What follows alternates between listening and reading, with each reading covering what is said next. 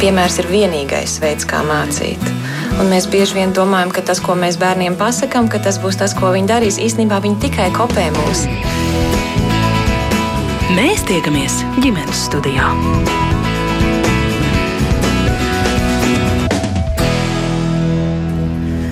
Labdien, priecājos sveicināt jūs visus redzējumu ģimenes studijas klausītājus. Mans vārds ir Agnese Linka, un šī redzējuma producente ir Ilza Zvaigzne. Modernās tehnoloģijas ir mūsu dzīves un ikdienas tāda neatņemama sastāvdaļa, un, protams, ir daudz dažādu veidu, kā tās tiek integrētas arī medicīnā. Šodien redzējumā mēs gribam runāt par to, kā digitālās tehnoloģijas, virtuālā realitāte un tam līdzīgas lietas ir palīdzošas un ienākošas vai jau esošas tieši bērnu ārstniecībā, arī rehabilitācijā un dažādu prasmu pilnveidošanā. Un mūsu ekspertu krēslos šodien es sveicinu Bērnu Kliniskās Universitātes slimnīcas sāpju klīnikas vadītājs anesteziologs reanimatologs Jānis Kolbergs. Labdien! Labdien! Arī Bērnu Kliniskās Universitātes slimnīcas informācijas tehnoloģiju inovāciju un attīstības vadītājs Raimons Reincāns. Labdien! Audiologopēda bija rīča izpildirektore Marina Petrakova. Sveiki! Un telefoniski ar mums pēc brīža kopā būs arī pusauģa psihoterapijas centra vadītājs bērnu psihoterapijas speciālists Nils Saks Konstantīnovs. Un arī jūs, klausītāji, kā allaži, varat pievienoties šai sarunai. Ja kas sakāms, pieredze, komentāri, īpaši jau jūsu jautājumu laipni gaidīt, rakstiet mums, sūtiet ziņas Latvijas radio. Mājaslapā radījumam ģimenes studija. Es vērsīšos visu pirms pie Raimonda, lai vaicātu kopumā tādu kopainu, kopskatu mums dodiet. Lūdzu, kas ir tie dažādie virzieni, kuros bērnu klīniskās universitātes slimnīcas mazie pacienti tieši saskars ar digitālo tehnoloģiju savā ārstēšanās procesā? Jā, es varbūt varētu pastāstīt drusku par bērnu veselības ekosistēmu, kā tādu mūsu bērnu klīniskās universitātes slimnīcā. Un, um, mēs viņus, viņu iedalām arī tādos vairākos līmeņos. Pirmais, tas ir tas svarīgākais, ir uh, digitālajie risinājumi tieši bērniem. Un, uh, tur tas lozungs tāds - vairāk zinām, mazāk baidamies, mm. uh, kas ietver sevi arī uh, tos digitālos risinājumus tieši baiļu mazināšanai.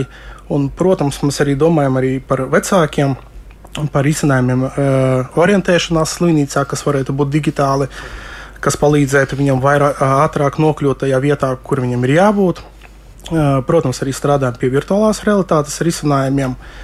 Uh, viens no tādiem arī projektiem, pie kura mēs šobrīd darbojamies, ir pārvietojamās uh, spēļu stācijas bērniem, lai mēs varētu no vienas palātas nogādāt uz citu, arī mazināt tās bailes. Tad, Nākamie tie atzari varētu būt tie dati, to izmantošana ārstniecībā, tālāk izmantošana pētniecībā, apmaiņā ar partneriem. Svarīgi ir arī telemedicīnas risinājumi. Uz šo brīdi viens no mūsu pieprasītākiem un darbojās videokonsultācijas, jo pēc statistikas pagājušā gadā viņi izmantoja 17,000 pacientu. Tas ir gada laikā, šogad jau ir 12,000 tikai pusgada laikā. Līdz ar to mēs arī redzam, ka tie, tās digitālās prasmes un pieprasījums aug pēc šādiem risinājumiem. Un uh, lielākie arī tie mūsu pakalpojumi tie ir neiroloģi un anesteziologi, kas izmanto šo, šo risinājumu.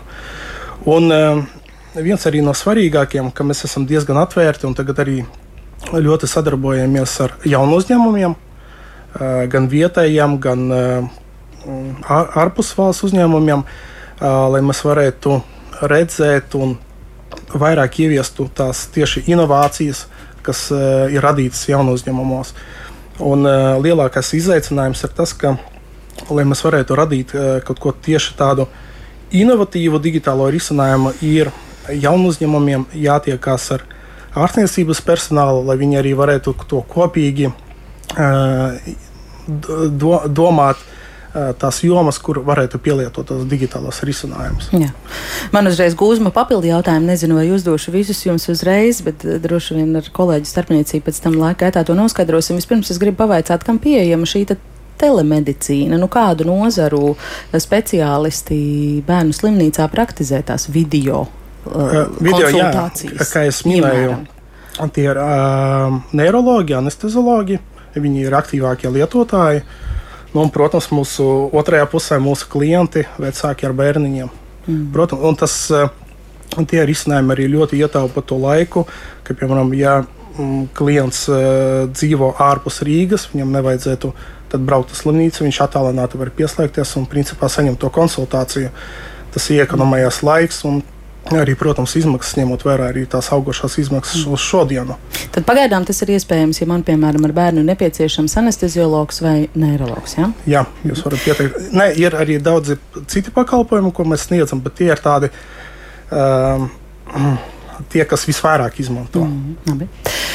Viens tāds anesteziologs mums tieši šeit eh, studijā arī šodien ir. Eh, vai jūs, Jāni, varat izstāstīt, kā šīs tehnoloģijas ienāk jūsu darba ikdienā? Vai es pareizi saprotu, ka jūs to izmantojat tajā brīdī, kad mazais pacients ir jāinformē, kas ar viņu notiks, vairāk zinās, mazāk baidīsies, kā Raimons teica? Nu, tieši tā. Es domāju, ka virtuāla realitāte ir jau pierādījusi pasaulē savu efektivitāti pēdējos gados, tas bija tikai laika jautājums, līdz mēs Bērnu kliniskās universitātes slimnīcā varēsim realizēt šādu veidu projektu. Un es saku uzreiz paldies mūsu komandai, mūsu ziedotājiem, jo mēs varējām realizēt šo projektu tikai ar viņu atbalstu. Bet, uh, Tieši runājot par anestezioloģiju, jā, šajās konsultācijās ir plāns dot šīs virtuālās realitātes brilles, ja, informāciju tieši, kur viņi varētu noskatīties to video, un, un viņiem tieši mazinātos tās bailes no tā nezināmā, ja, kas, kas eh, vis, visbiežāk gan bērniem, gan pieaugušiem ir bailes no tā nezināmā. Un noskatoties šo video, viņi iegūst šo virtuālo pieredzi ja, jau pirms procedūras. Tā, es domāju, tā ir mūsu nākotne arī dažādās citās procedūrās un mm. jomās. Kas ir tas, ko šajā video viņi redz? Kas ir tas saturs? Nu jā, tieši uh, pirmais video tapa uh, saistībā ar anestezioloģiju. Mēs ar aktieriem nofilmējam šo 360 uh, virtuālās realitātes video. Un, principā, mm, šie aktieri uh, no pacienta palātas nokļūst līdz pat operācijas zālē, kur mēs arī šo anesteziju nodrošinām. Un, uh, mazais pacients, kurš nāk uz slimnīcu, viņš skatās šīs virtuālās realitātes brilles, vai arī mājās viņš caur Bērnu kliniskās universitātes slimnīcas mājaslapu nostīties šo video rullīti. Ja, un, principā, viņam radās šī sajūta, ka viņš atrodas turpat telpā kopā ar mūsu aktieriem ja, un dodas uz operācijas zāli. Viņš redz, kā izskatās visur apkārt šī operācijas zāle un arī visas tās tehnikas, ko mēs izmantojam šiem bērniem, lai, lai nodrošinātu šo miedziņu. Mm.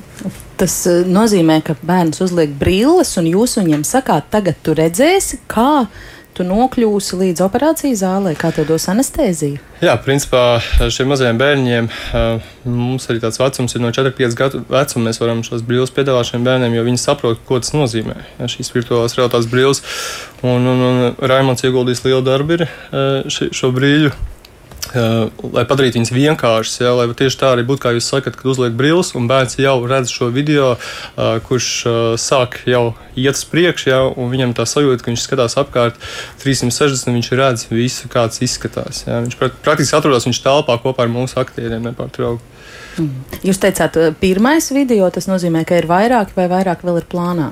Ši, šis ir pirmais video, jo šī ideja, ja godīgi radās jau pirms diviem gadiem, atgriežoties no Amerikas Savienotajām valstīm, kur tieši alkoholoģija padziļinātāk mācījos.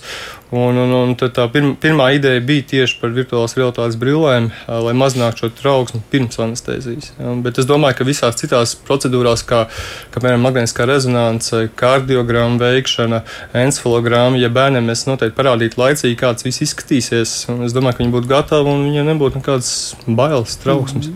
Vai jums ir vērojami arī par to efektu, ko tas dod? Līdz šim. Nu, jūs varat salīdzināt, kāds tas mazais pacients ir, ja viņam parāda to vai neparāda. Uh, nu, pagaidām, mēs esam, pagaidām mēs esam tikai šo video uh, rullīti uztaisījuši, ko bērnu slimnīcas mājaslapā mēs varam noskatīties, ja, bet nu, tās brīvas praksē tikai, es domāju, nu, tuvākajā laikā mēs varēsim sākt lietot, jo mums sākumā vajadzēja pārliecināties, uh, vai, vai šis video ir, ir atbilstošs. Uh, mums vajadzēja arī sagatavot dokumentus, kuriem bērniem drīkst, kuriem nedrīkst bērniem. Mums vajadzēja noteikumus izveidot. Un es domāju, ka tagad ir pēdējais laiks, kad likt lietā. Mm -hmm. Kādi ir tie noteikumi, kuriem drīkst, kuriem nedrīkst? Un, principā, mēs paļāvāmies uz, uh, uz pētījumiem, ja, un šajos pētījumos bija aprakstīts, ka bērniem, kuriem ir epilepsija, nav ieteicams lietot šīs brilles, kas var provocēt. Uh, bērniem, kuriem, protams, ir redzes traucējumi, ja, arī nebūtu ieteicams. Un uh, nākamā grupa noteikti ir šie bērni ar, ar, ar ierobežotām kognitīvām spējām, kuri vienkārši nesaprast un nobītos no tā visa pasākuma. Mm. Kāda ir atšķirība, vai viņš noskatās video rullīt bērnu slimnīcas mājaslapā, vai viņš uzliek virtuālās brīles? Raimonds arī drūkš, drīkst kaut ko papildināt, ja ir kolēģi sacītiem, ko piebilst. Es domāju, ka, ja mēs lietojam šīs brilles, es personīgi pats jau izmēģināju, paskatījos, man tā sajūta tiešām bija, ka es atrodos tajā telpā kopā ar kolēģiem. Uh, man bija arī uz brīdi pilnībā pazuda tā realitātes sajūta, ka es esmu ārpus tam brillēm. Ja, man, man tiešām likās, ka es atrodos kopā ar šiem aktieriem.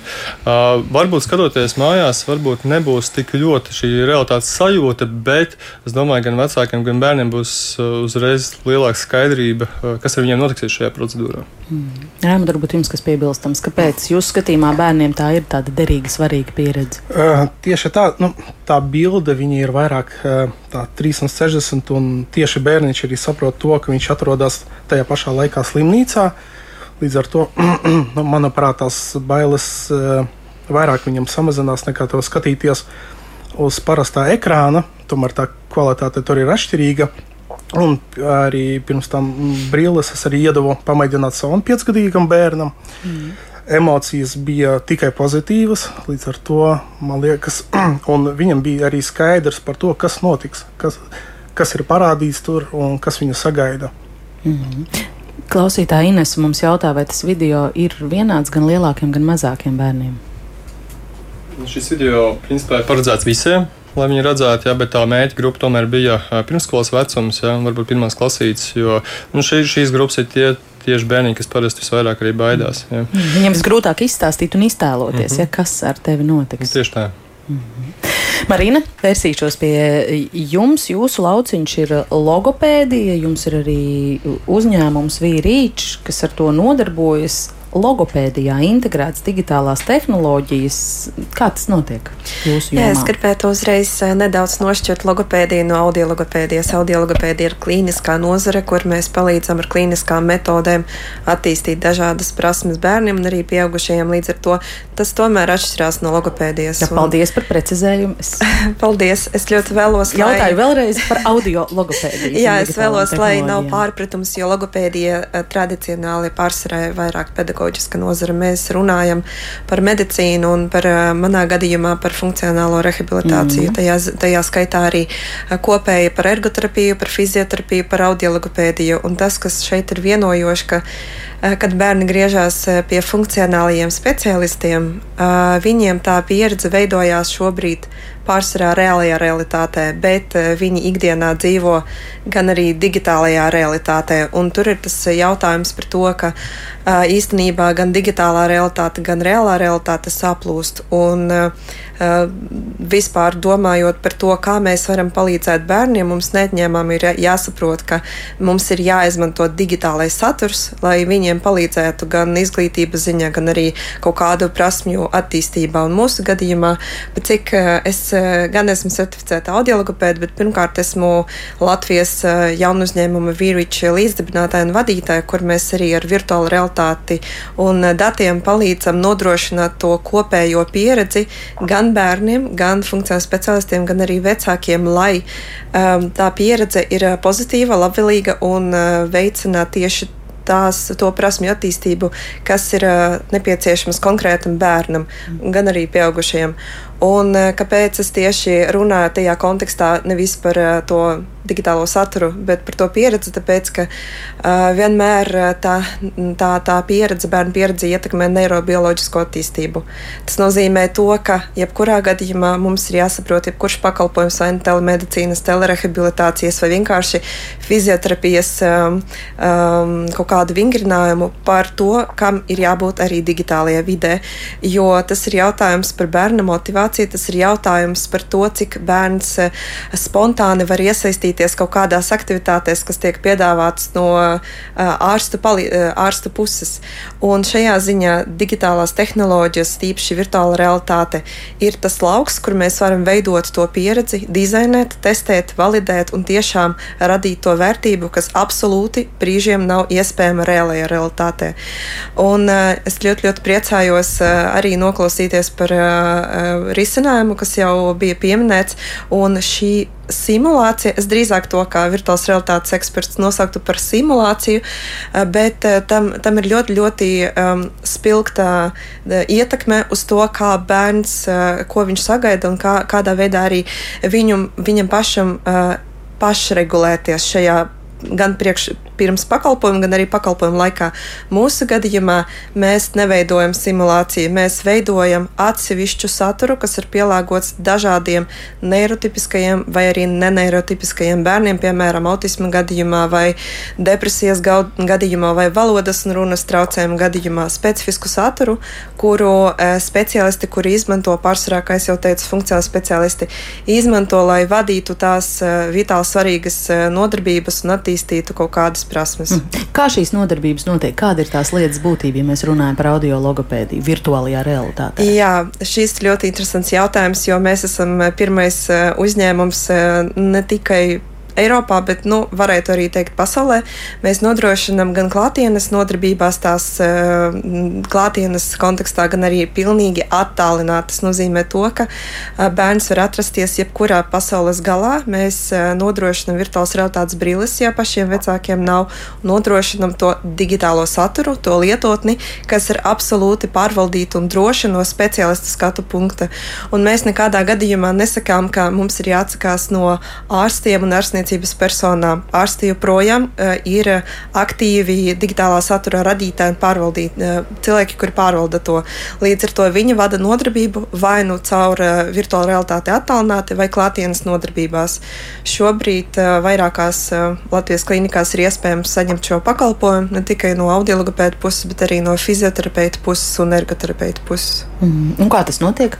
Tas notiek tā, ka jūs atnācat uz konsultāciju. Funkcionāls speciālists pirmkārt novērtē bērna vajadzības, bērna, kas ir jāizdara, lai bērnam ir harmoniska attīstība un kā mēs varētu izmērīt gan to progresu, progresu gan arī to, cik bērns ir ieinteresēts. Līdz ar to viņš lieto virtuālās realitātes brilles, ļoti, ļoti konkrētas, kas arī ir nodrošinātas no mūsu puses.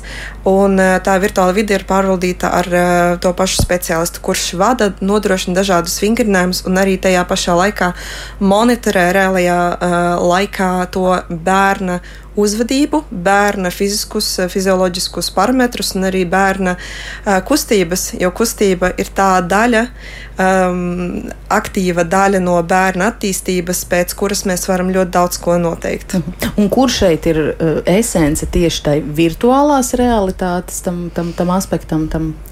Uh, kā saka Secret Sauce, uh, slepenā mērce šeit ir tomēr uh, bērna pieredzē, kas ir virtuālajā realitātē, kas ir izveidots speciāli ar spēcīgu vizualizāciju, kas ir monitorējama un arī kas ir mainīta no speciālista puses.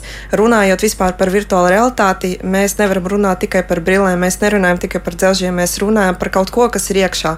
Un tas, kas ir iekšā, to var ļoti labi izplānot, to var nogādāt, lai tā vērtība atbilst tam, kas ir nepieciešams bērnam. Līdz ar to tā ir uh, vide, kuru var mainīt pēc katra bērna vajadzībām un attīstīt to, kas tieši aktuāls tam bērnam. Mm. Bet kāpēc tādā rehabilitācijas procesā šais dažādajos virzienos tieši tas ir svarīgi? Līdzīgi kā es kolēģiem jautāju, kāda atšķirība noskatās bērnu slimnīcas mājaslapā video vai uzliek virtuālās brilles un, un, un bērnu slimnīcas tur kontekstā saprot, kas ar mani notiks pirms operācijas, kā ir jūsu gadījumā, vai logopēds, audio logopēds sēž un strādā viens pret viens aci pret aci, vai tas notiek ar bērnam uzvilktām virtuālajām brillēm? Jā, šis, nu tā īsi jau. Jā, jā, šīs ir ļoti, ļoti vienkārši. Pirmkārt, tas palīdz bērnam novērst visus kairinātājus, kas viņam neliek uh, ātri uh, veidot spontāni to kontaktu, tīpaši, ja tas bērns bērns um, nu, nav ar tādu neirotipisku attīstību. Līdz ar to viņam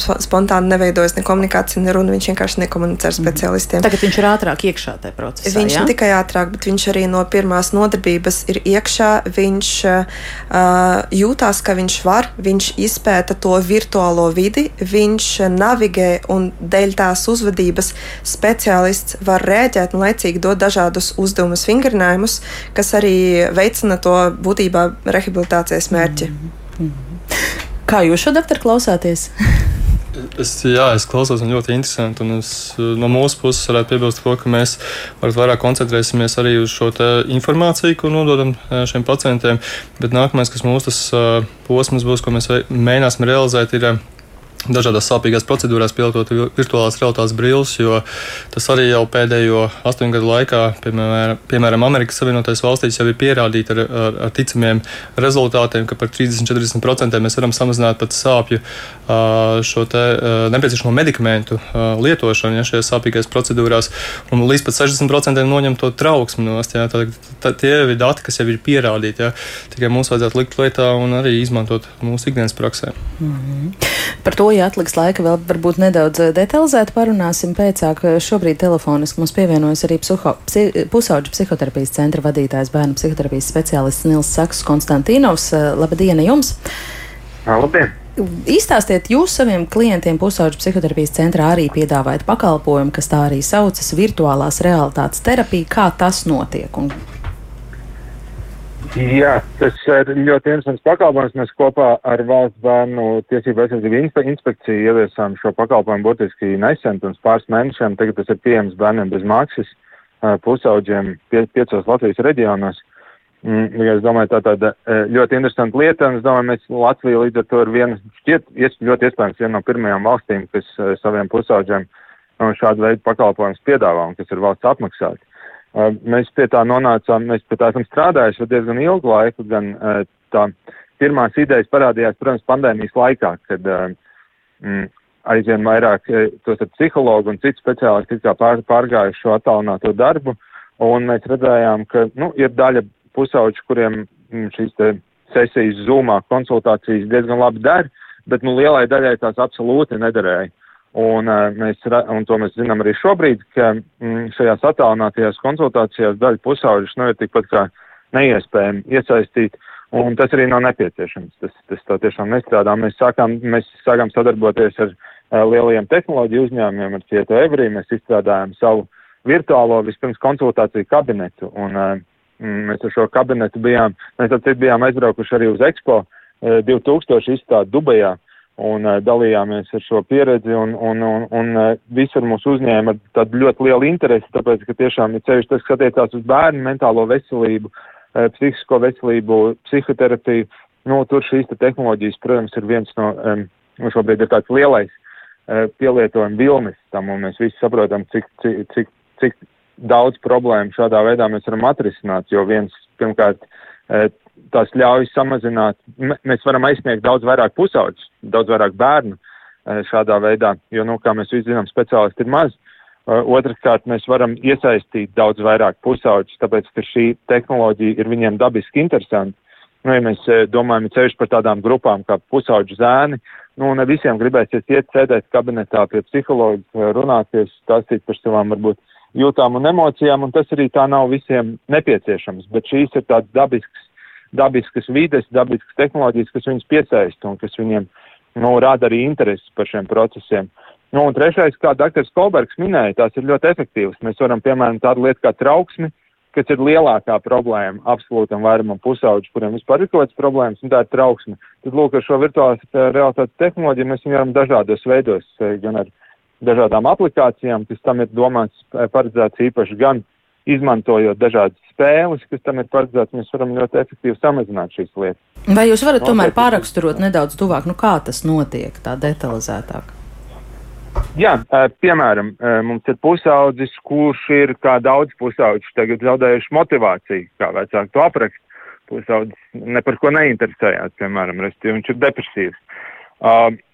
Viena no zinātniski pierādītajām un efektīvajām metodēm, tas, ko mēs saucam par behaviorālo aktivizāciju, vai citiem vārdiem, nu, pie, piedabūt to pusaudzi sākt darīt kaut ko, kas viņu interesē. Bet tā mēs zinām, nu, pusaudzi tā reālajā dzīvē, ja viņš neko ilgu laiku nav darījis un sēdējis tikai pie datora, iespējams, nu, dabūt ārā pie sporta vai vēl kaut kādām aktivitātēm var būt diezgan sarežģīti. Savukārt virtuālajā realitātē viens ir tas, ka tā, mm, tas no viņa neko daudz iesākumā neprasa. Eh, viņš ir gatavs iesaistīties šādā aktivitātē, jo tas ir tas, ko viņš jebkurā gadījumā dara. Pārsvarā viņš sēž pie datora un spēlē lietas, eh, tad mēs varam viņu iesaistīt, un otrs, mēs varam viņā, viņam piedāvāt dažādas aktivitātes, kurā viņš var iesaistīties vispirms virtuāli, un tās aktivitātes var būt bezgalīgas, sākot no uh, grafiti zīmēšanas uh, līdz uh, futbola spēlēšanai, basketbolam, līdz lidošanai ar aeroplānu vai lekšanai ar izplatni. Un mēs varam visu šī un, un, un tiešām radīt šīs pozitīvās emocijas pusaudzī ar domu, ka mēs viņu motivējam tālākām darbībām reālajā dzīvē. Vai, piemēram, mums ir pusaudzis, kuram ir citveida problēmas, kurš ir, piemēram, agresīvs, vai viņam ir grūti koncentrēties skolā, uh, viņam, piemēram, ir uzmanības problēmas. Arī tad mēs varam ar, ar konkrētām aplikācijām viņam trenēt šīs prasmes.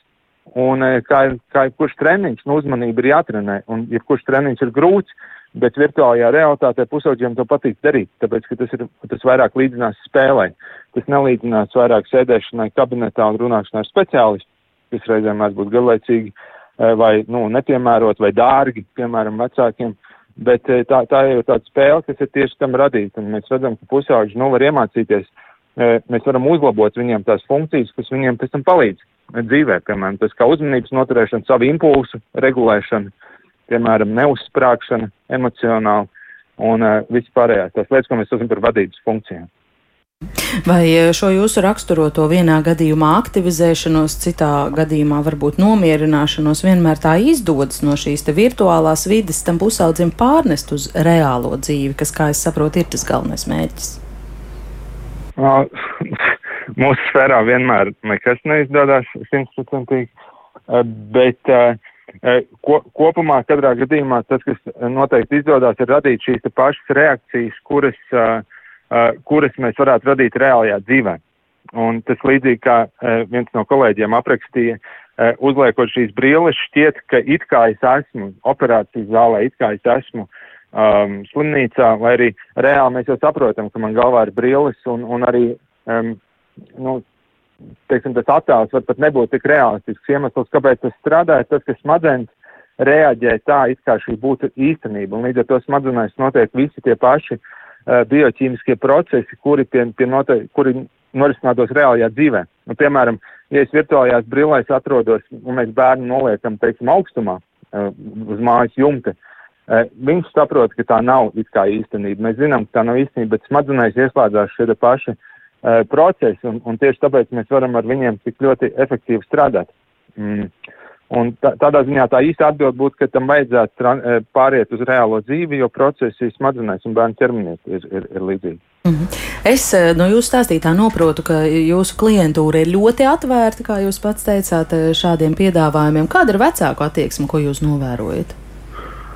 Mm, ļoti dažāda. Ir vecāki, kuri, um, kuri paši to aktīvi meklē un, uh, un ļoti par to interesējās. Un, starp citu, uh, ir liela daļa vecāku, kuru bērni, piemēram, ir uh, gatavojās profesionālajam sportam vai profesionālajai, uh, teiksim, mūziķu karjerai kur ir vajadzīgas šīs augstās stresa noturības prasmes.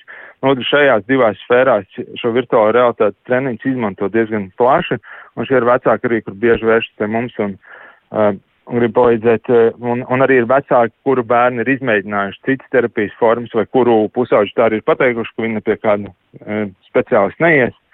Un tad šis ir veids, kā viņus uzrunāt. Bet, protams, ir liela daļa, kur raugās ar bažām, un tas ir ļoti saprotam, jo viens no populārākajiem iebildumiem ir mans bērns jau tāpat pavada daudz laika ekrānos, vai viņš jau tāpat spēlē video spēles, kāpēc viņam tagad vēl pavadīt vēl vairāk laika. Un tas ir ļoti saprotams iebildums, tas saprotams bažas, un kā ik viena tehnoloģija, arī šī prasa laiku, lai pie tās uh, cilvēku aprastu, pierastu, un, un arī mums ir jādara kā speciālistiem savs skaidrošanas darbs.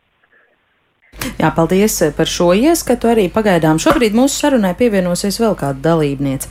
Eleonoras meitai šobrīd ir pieci gadi un problēmas ar runas attīstību, tāpēc pirms gada viņa uzsākus nodarbības ar vīrīču tehnoloģiju, un mamma piekrita padalīties ar ģimenes studiju šai pieredzē un savos vērojumos par to, kāds process notiek. Paklausīsimies! Bērnam ir runas attīstības aizture, Mēs apmeklējām arī nu, audio logopēdu un papildus skatījāmies dažādas eh, kaut kādas iespējas, terapijas vai nodarbības, kas varētu palīdzēt un, un veicināt runas attīstību. Tad internetā es ieraudzīju informāciju par šo rīču tehnoloģiju. Mēs principā jau gadu apmeklējam speciālistus, kas strādā ar šo tehnoloģiju tas ir tāds tā kā brīvlītes, tādas, nu, mēs viņus tā kā saucam par brīvlītēm, tā kā tiek uzlikts uz acīm tāds, tas tā kā aparātiņš, tā virtuālā realitāte. Principā bērns atrodas virtuālajā realitātē. Tas, ko viņš redz apkārt, viņš vairs neatrodas tādā telpā, kas ir uh, logopēda kabinets, bet viņš atrodas, uh, teiksim, to programmas tur ir dažādas, ko nu tas logopēds uzliek. Viņš atrodas kaut kādā istabā, kas ir kaut kāda bērnu istaba, vai viņš atrodas kaut kādā, teiksim, telpā ar kaut kādiem uh, tur priekšmetiem, lāčiem, klučiem. Tās vietas tur ir saprogrammētas ļoti daudz, kur tam bērnam atrasties. Un, attiecīgi, apkārt arī tie priekšmeti arī ļoti daudz un dažādi. Es principā pat arī pamēģināju, tā sajūta ir tāda ļoti realistiska. Bērnam tiek rokās iedoti tādi joystiki, katrā rokā tāds savs, tur ir jāklišķina, tad podziņas spiež, un tad, teiksim, tas joystiki rokās, tas ir tā kā bērna rokas, tā virtuālajā realitātē, respektīvi, izmantojot tos joystikus, viņš var bīdīt priekšmetus. Viņš var paņemt, pārlikt, viņu atlaist, nolikt, nu tam līdzīgi. Un tad ir tā, ka logopēds viņš redz datorā to, ko tas bērns redz. Tas bērns viņš pārvietojas tajā telpā un viņš sarunājas ar, ar logopēdu un, pieņemsim, viņi tad izmanto, piemēram, tos priekšmetus. Tur, nu, bērnam liek, pieņemsim, tur kārtot kaut kādā figūrā, pieņemsim, kaut kādus klučus. Un tie, piemēram, tie kluči ir tādi milzīgi, un tam bērnam ir interesanti. Viņš ņem tos klučus, viņš kārto, un tāpat laikā viņš sarunājas ar logopēdu. Teiksim, tas bērns viņš varbūt tik ļoti nefokusējas, vai viņš tur pareizi vai nepareizi, bet viņš tieši tā kā runā, un viņš aprunā tos priekšmetus, to faktisko darbību, ko viņš tā kā veids. Un tas, man liekas, ir laikam tā priekšrocība salīdzinot ar to, ka vienkārši logopēds strādā ar bērnu, ir tas, ka uh, vispār logopēds kabinets kā tāds, viņš ir tā diezgan ierobežots telpā un arī tie priekšmeti, kas tur var būt. Bet šī situācijā es saprotu, ka tie priekšmeti ir tādi, kurus tu īsti laikam nu, logopēdi kabinetā neienesīs automašīnas un, un kaut kādi tur velosipēdi un nu, kaut kādas tādas lietas, kuras nu, bērns mācās nosaukt, mācās par to runāt. Manam bērnam es saprotu, ka arī patīk kā tiem joystikiem ņemt, un tad viņš ņem un pārliek. Un, tas process, un, jā, un arī kaut vai tā telpa, viņš tā kā aizraujas, viņš tā kā apkārt tā kā liekas tā kā, kā multfilmāta. Es arī, man, nu, vismaz tā, kā es tā kā to redzēju datorā, kā tas izskatījās, tas ir ļoti reālistiski noticis. Tu tā kā, tā kā esi tiešām tur iekšā. Kā jūs varat novērtēt to uh, progresu, ko šis nodarbību veids, šī ārstniecība viņam ir devusi? Nu, manuprāt, es redzu to progresu. Protams, es kā speciālists varbūt kā, tur nevarēšu novērtēt tieši kas, bet tas, kā es to redzu, ka bērns viņš tā kā neuztraucās, viņš tiešām, nu kā viņš ir procesā, viņš tur darbojās, viņš tur, nezinu, nu, lēkā un ņemās un tā pa to telpu un ar tiem priekšmetiem tur darbojās. Un tad viņš tur tā kā paralēli runā, un tas kaut kā notiek tā kā dabiski, vai ne? Un uh, es saprotu, jā, ka tas logopēds, viņš ir atkal kaut kāds, teiksim, tur uzdot kaut kādus pareizos jautājumus, kas nav tie slēgtie jautājumi, lai, kā, lai tas bērns tā kā var paplašinātiem teikumiem mēģināt atbildēt un tam līdzīgi. Un progress ir, progress ir. Tas, ko es redzu, ir, ka manam bērnam tieši bija grūtības teikumu veidošanu. Viņa tā kā drošāk veido tos teikumus, viņa liek tos vārdus teikumā, un tie teikumi paliek arvien tādi garāki un, un pareizi saliek tos vārdus tā, ka viņi ir arī nu, gramatiski pareizi un saprotami. Ko bērns pats saka, kāds ir viņa komentārs par šīm nodarbībām? Manam bērnam ļoti patīk. Manam bērnam ļoti patīk. Viņš labprāt iet ar visu to, ka mums tās nodarbības tas ir vakars, tur tas ir pēc dārziņa, tas ir diezgan vēlu. Mēs tā kā ejam Uh, un, un ar visu to viņam, viņai kā, nu, ļoti patīk. Viņai gan tā logopēda ļoti patīk, jā, viņam tur tas kontakts ir un, un tā tā tehnoloģija, tās brillītes. Un tad viņai patīk tas, ka viņa kaut kā ļoti ātri iemācījās ar tiem joystikiem tur rīkoties. Un tad viņa tā kā arī uzreiz sēž tās tā labi. Un tad, kad tu vienkārši kaut ko ņem ar rociņām, bet ar tiem joystikiem tur vēl tā kā papildus grūtība un tas tiek pārvarēts un tad viņa pavisam priecīgi. Nu, viņai ļoti patīk. Mēs tiekamies ģimenes studijā. Jā, paldies eh, mammai par dalīšanos šai pieredzē. Varbūt kādu komentāru, par ko domājāt, eh, klausoties mammas stāstītajā? Jā, godīgi sakot, es eh, savā ikdienā kā uzņēmuma vadītāja ļoti reti, kad saskāros tieši ar to gala lietotāja pieredzi. pieredzi jā. jā, jo es pārsvarā vadu komandu, dizaineru komandu, kuri tieši ar to strādā un to, to izpēta. Līdz ar to man ir dažas daudzveidīgas sajūtas, bet jebkurā gadījumā neticiet mums uz vārda, izmēģiniet. izmēģiniet mēģiniet, un jūs droši to variet izdarīt, eh, ej uz uh, piesaku VR, un tad mm. arī uh, izbaudiet paši. Mm. Bet cik Vai to var saukt par ārstniecību? Jo es arī sižetā to intervijā māmai teicu, kā jūs vērtējat, kā šī ārstniecības metode darbojas. Tas ir pamatīgi pētījumos pamatota tā efektivitāte uh, pierādīta? Tikai un vienīgi pētījumos. Neirozinātne šodien mums atļauj ne tikai veidot uh, programmatūru, kas ir uh, balstīta uz. Uh, kas ir balstīta uz bērna vajadzībām, bet arī dizainēt to pieredzi tā, lai tā pieredze uh, tieši ir droša, lai tā pieredze ir uh, daudz uh, produktīva ne tikai tam bērnam, bet arī tiem vecākiem. Līdz ar to um, mūsu pētījumus, vispār uh, gan mūsu, gan arī tos pētījumus, uh, uz kuriem mēs balstām uh, specifisku saturu, kuru mēs esam izstrādājuši, var atrast internetā, gan arī mūsu mājaslapā, gan arī mūsu Facebook lapā. Viss ir absolūti atvērts atvērts. Mm. Kā jūs, doktor, teikt, kur var vilkt to robežu? Ārstniecība ir vai nav? Grūti komentēt, jo es domāju, ka uh, Latvijā, piemēram, šie pētījumi tādi reāli uz mūsu bērnu populāciju vēl nav bijuši. Ja, un, un, un, tāpēc man būtu ļoti, ļoti grūti komentēt tieši par šiem cipariem. Varbūt. Mm. Māma teica, ka informācija ir atradusi pati. Es secinu, ka šobrīd nu, ja tas notiek ārpus bērnu slimnīcas, tad tāds, eh, piemēram, vīriešu pakalpojums, kas ir maksas pakalpojums, to atrod tie, kas rūpīgi paši meklē. Eh, vai jūs redzat, ka nākotnē tas varētu būt kaut kas, kas ir pieejams plašam lokam, nevis tikai tiem, kas urbji atrod un spēj maksāt? Jā, es varbūt varu ah, nedaudz lūdzu. Iesaisties, jo uh, tieši šobrīd, kā reiz mēs sniedzam, esam sākuši sniegt šo pakalpojumu bez maksas, kā es minēju, un tas ir uh, pieejams eh, nu, piecos Latvijas reģionos, tad arī krietni ārpus Rīgas mums viņš pieejams Daugavpilī, uh, Liepājā, ļoti labi viņš šobrīd darbojās. Uh, tā, tā kā šī tendence jau ir, un uh, es domāju, ka parādoties pirmajai mm, pieredzēji un arī pirmajiem pētījumiem, un jo vairāk bērnu un ģimenes būs izmēģinājuši šo te uh, pakalpojumu, es domāju, ka skaidrs no, ka arī valsts būs tikai ieinteresēta to kaut kādā veidā ieintegrēt, jo tas ir visiem izdevīgi. Tiesmē šobrīd šis pakalpojums ir bērniem ar grūtākām problēmām un bērniem, kas ir uh, saskārušies ar, ar kaut veidu noziegumiem. Mm, bet uh, mēs, mēs ceram, ka sākot ar septembri vai oktobri um, šāda veida ierīces un terapijas varētu būt pieejamas skolās, uh, kur tās arī būtu pieejamas bez maksas skolēniem. Uh, un uh, mums jau šo, šobrīd nor, norit tādas aktīvas sarunas, kur, jo, jo mēs redzam, ka uh, šī ierīce ir arī viens veids, kā risināt skolu psihologu problēmu, un gal galā, it sevišķi pēc pandēmijas apstākļos, mēs runājam par, par bērnu psihisko veselību, bet, protams, visas norādes un visas rekomendācijas, tātad Pasaules veselības organizācijas ir šo te aprūpi centrēt ne, ne slimnīcās vai poliklinikās vai citādi, bet tieši koncentrēties uz skolām kur šie bērni ir visvairāk un kur arī šīs problēmas rodās un ir vislielākais. Un uh, tur tieši tehnoloģijām var būt nu, izšķirošā nozīme. Tā kā mums jau šis pakalpojums tiek nodrošināts bez maksas valstī un, uh, un, un šķiet, ka drīzumā tas varētu ar skolu palīdzību kļūt vēl plašāk pieejams.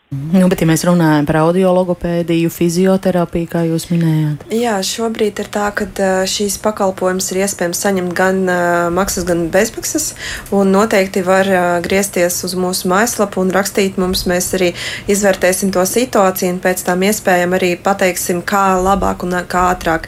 Mēs noteikti varam nodrošināt arī valsts apmaksāt, nevis valsts, bet apmaksātās nodarbības par valsts, valsts apmaksātām nodarbībām nodarbībām ir nedaudz sarežģītāk, jo ir jāpaiet laikam, kamēr mēs varam kopā ar Nacionālās veselības dienestu, ar citām struktūrām saprast, kā šo digitālo saturu inkorporēt audiologopēdī ikdienā. Un mēs esam tajā ceļā un mēs to darām. Un par to vairāk varēs uzzināt Digitālās veselības dienā 7. jūlijā, kur arī būs prezentēts vīriču risinājums, kur arī vairāk runāsim par to, kāpēc zinātnē balstītai terapijai, medicīniskai rehabilitācijai ir jābūt pieejamai nevis nevis rīt, bet jau tagad. Mm -hmm. Nu, bērnu slimnīca kopumā paskatās uz šo jautājumu, kad kaut kas tāds varētu pie jums nākt. Jā, kopumā es redzu tādu, tādu diezgan labu tendenci, ka tas tehnoloģijas tieši plaši ienāk un uh, it īpaši tiek fokusētas uz bērniem. Līdz ar to uh, šobrīd tas digitālais potenciāls ir ļoti milzīgs. Līdz ar to uh, sadarbībā ar ārstējošo personālu un digitāliem IT profesionāļiem mums jāstrādā tikai pie tā, lai tās tehnoloģijas būtu vairāk un būtu pieejamākas. Mm kāds klausītājs, kurš parakstījies kā skepse, un šis ir jautājums droši vien jums visiem, varēsiet viens otru papildinot atbildēt, raksta, ka no vienas puses izklausās mūsdienām atbilstoši, no otras vai neiegrūžam bērnus vēl lielākā tehnoloģija atkarībā, vai viņi nezaudēs spēju nodalīt reālo pieredzi no virtuālās realitātes, ja nu bērns vairs negrib kaut kam saņemties ārpus eh, šīs realitātes. Kā jūs atbildētu šim eh, klausītājam? Marīna sāks, ja? Tad Nils pēc tam droši vien. Jā, es varētu pamēģināt atbildēt tā, ka runājot par bērnu pieredzi un vispār par kaut kādu digitālo atkarību, mums ir jāsaprot, no kā bērns bēg, vai viņš, kā viņš vēlās adaptēties mūsdienu dzīvē, kas ir tas stresa faktors, kas viņam neliek, kas viņam liek um, būtībā scrollot Facebook lenti vai kaut ko tam līdzīgu. Oh, bērni neskrolo Facebook. Ne? uh, labi, tad uh, TikTok varētu arī pateikt. Un, uh, kad bērns to dara, viņš uh, meklē robežas, un mēs, kā pieaugušie cilvēki ar tehnoloģiju palīdzību un lietotāju pieredzes dizaina varam tās robežas noteikt un palīdzēt tam bērnam navigēt digitālajā saturā un arī reālajā dzīvē. Mm. Jo kolēģis, domāju, man arī piekritīs, ka virtuālajā vidē tā pieredze uh, var būt ģeneralizēta uz reālo dzīvi, un ne tikai varbūt, bet tas arī notiek. Uh, citus risinājumus es ne, ne, nekomentēšu, bet mūsu risinājumā tas ir arī tāds kā slepenā mērce, varētu tā devēt. Mm. Marinas teikt, teiktajā es sadzirdēju atkal kaut ko, kur man gribas pieminēt robežu starp bērns un pusaudzis, atbildot klausītājiem, kas parakstījies kā skepsi, un jums par šo noteikti būtu kaut kas sakāms.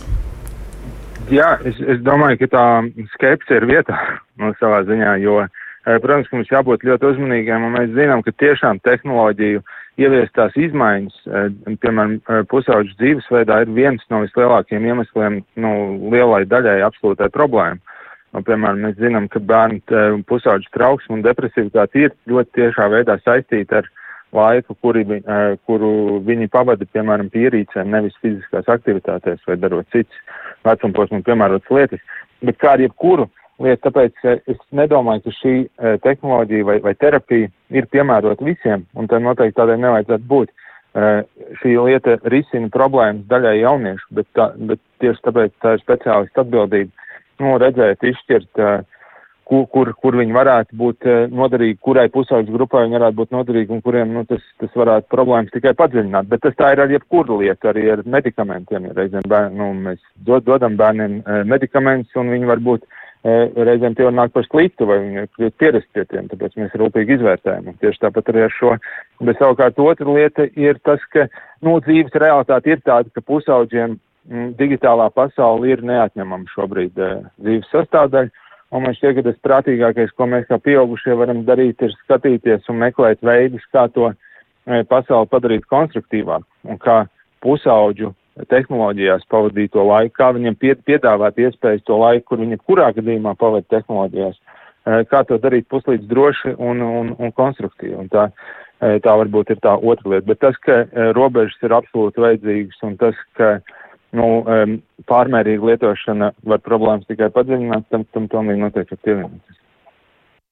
Jā, vēl mirklīs laika mums ir atlicis. Es skatos uz doktoru Kolbergu un gribu atgriezties pie tā, ko jūs minējāt šeit redzījuma sākumā par uh, pieredzi Amerikas Savienotajās valstīs, kur virtuālā realitāte, kā jūs teicāt, mācījāties padziļināt algoloģijas lietas, tā tiek izmantot, lai bērniem samazinātu anestezijas medikamentu nepieciešamību kaut kādās sāpīgās uh, procedūrās. Tieši tā.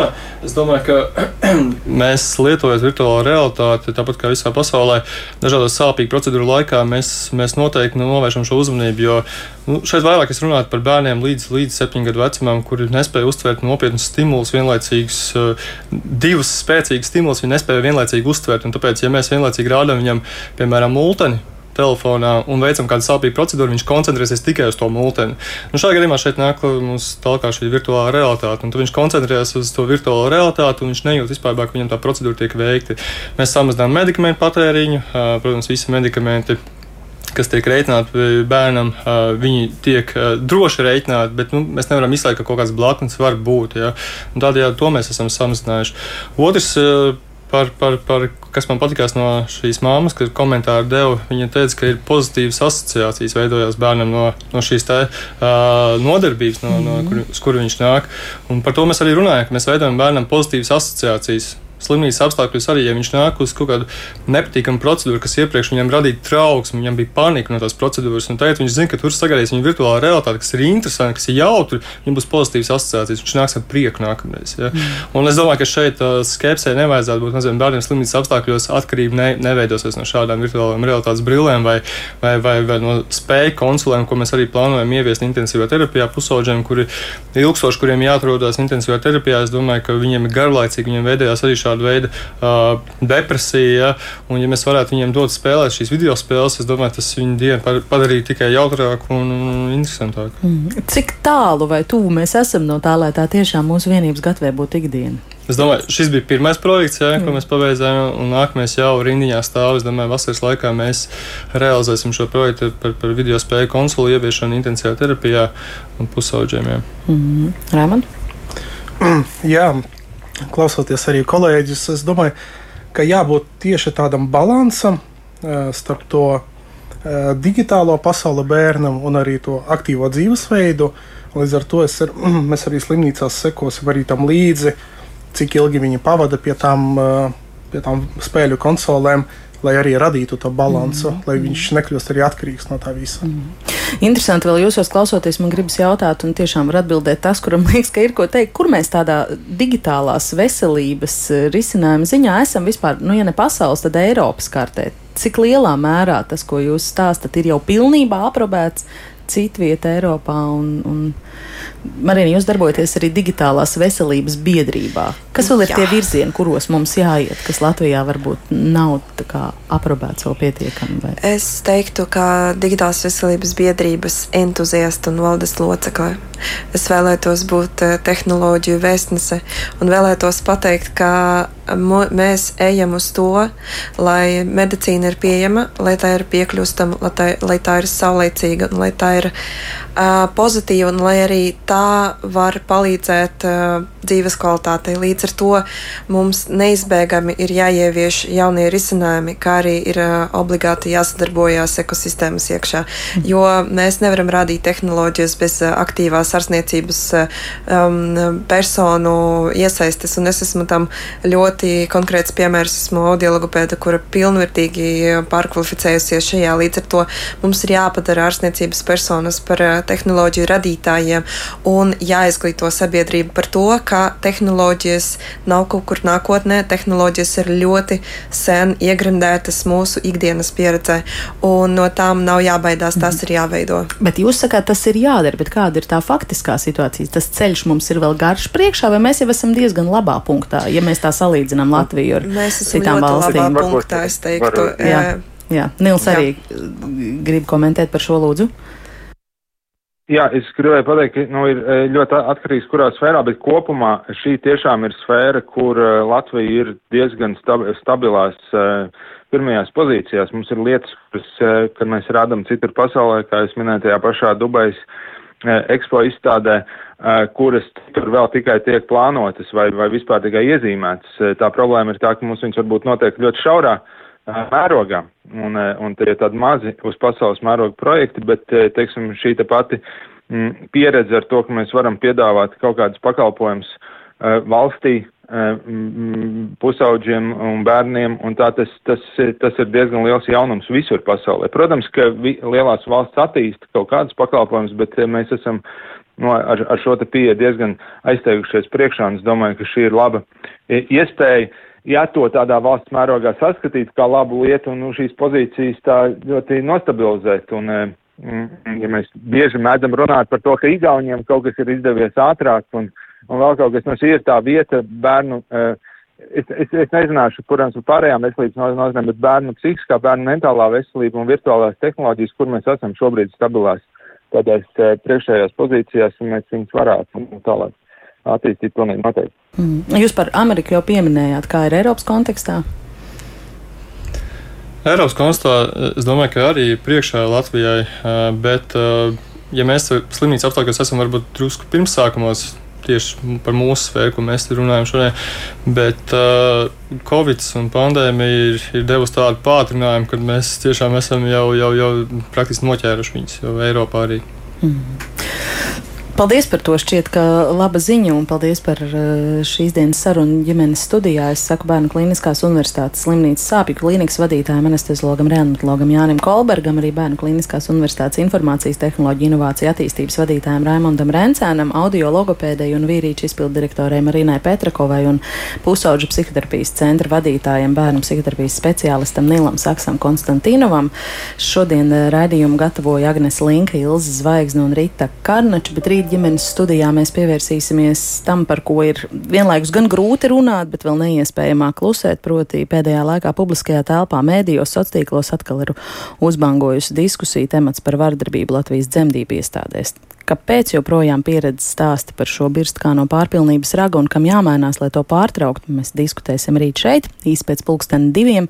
Klausieties, pievienojieties, klausieties ģimenes studijā arī podkāstos, mobilajā lietotnē un sekojiet mums sociālos tīklos, Facebook un Instagram. Uz sadzirdēšanos!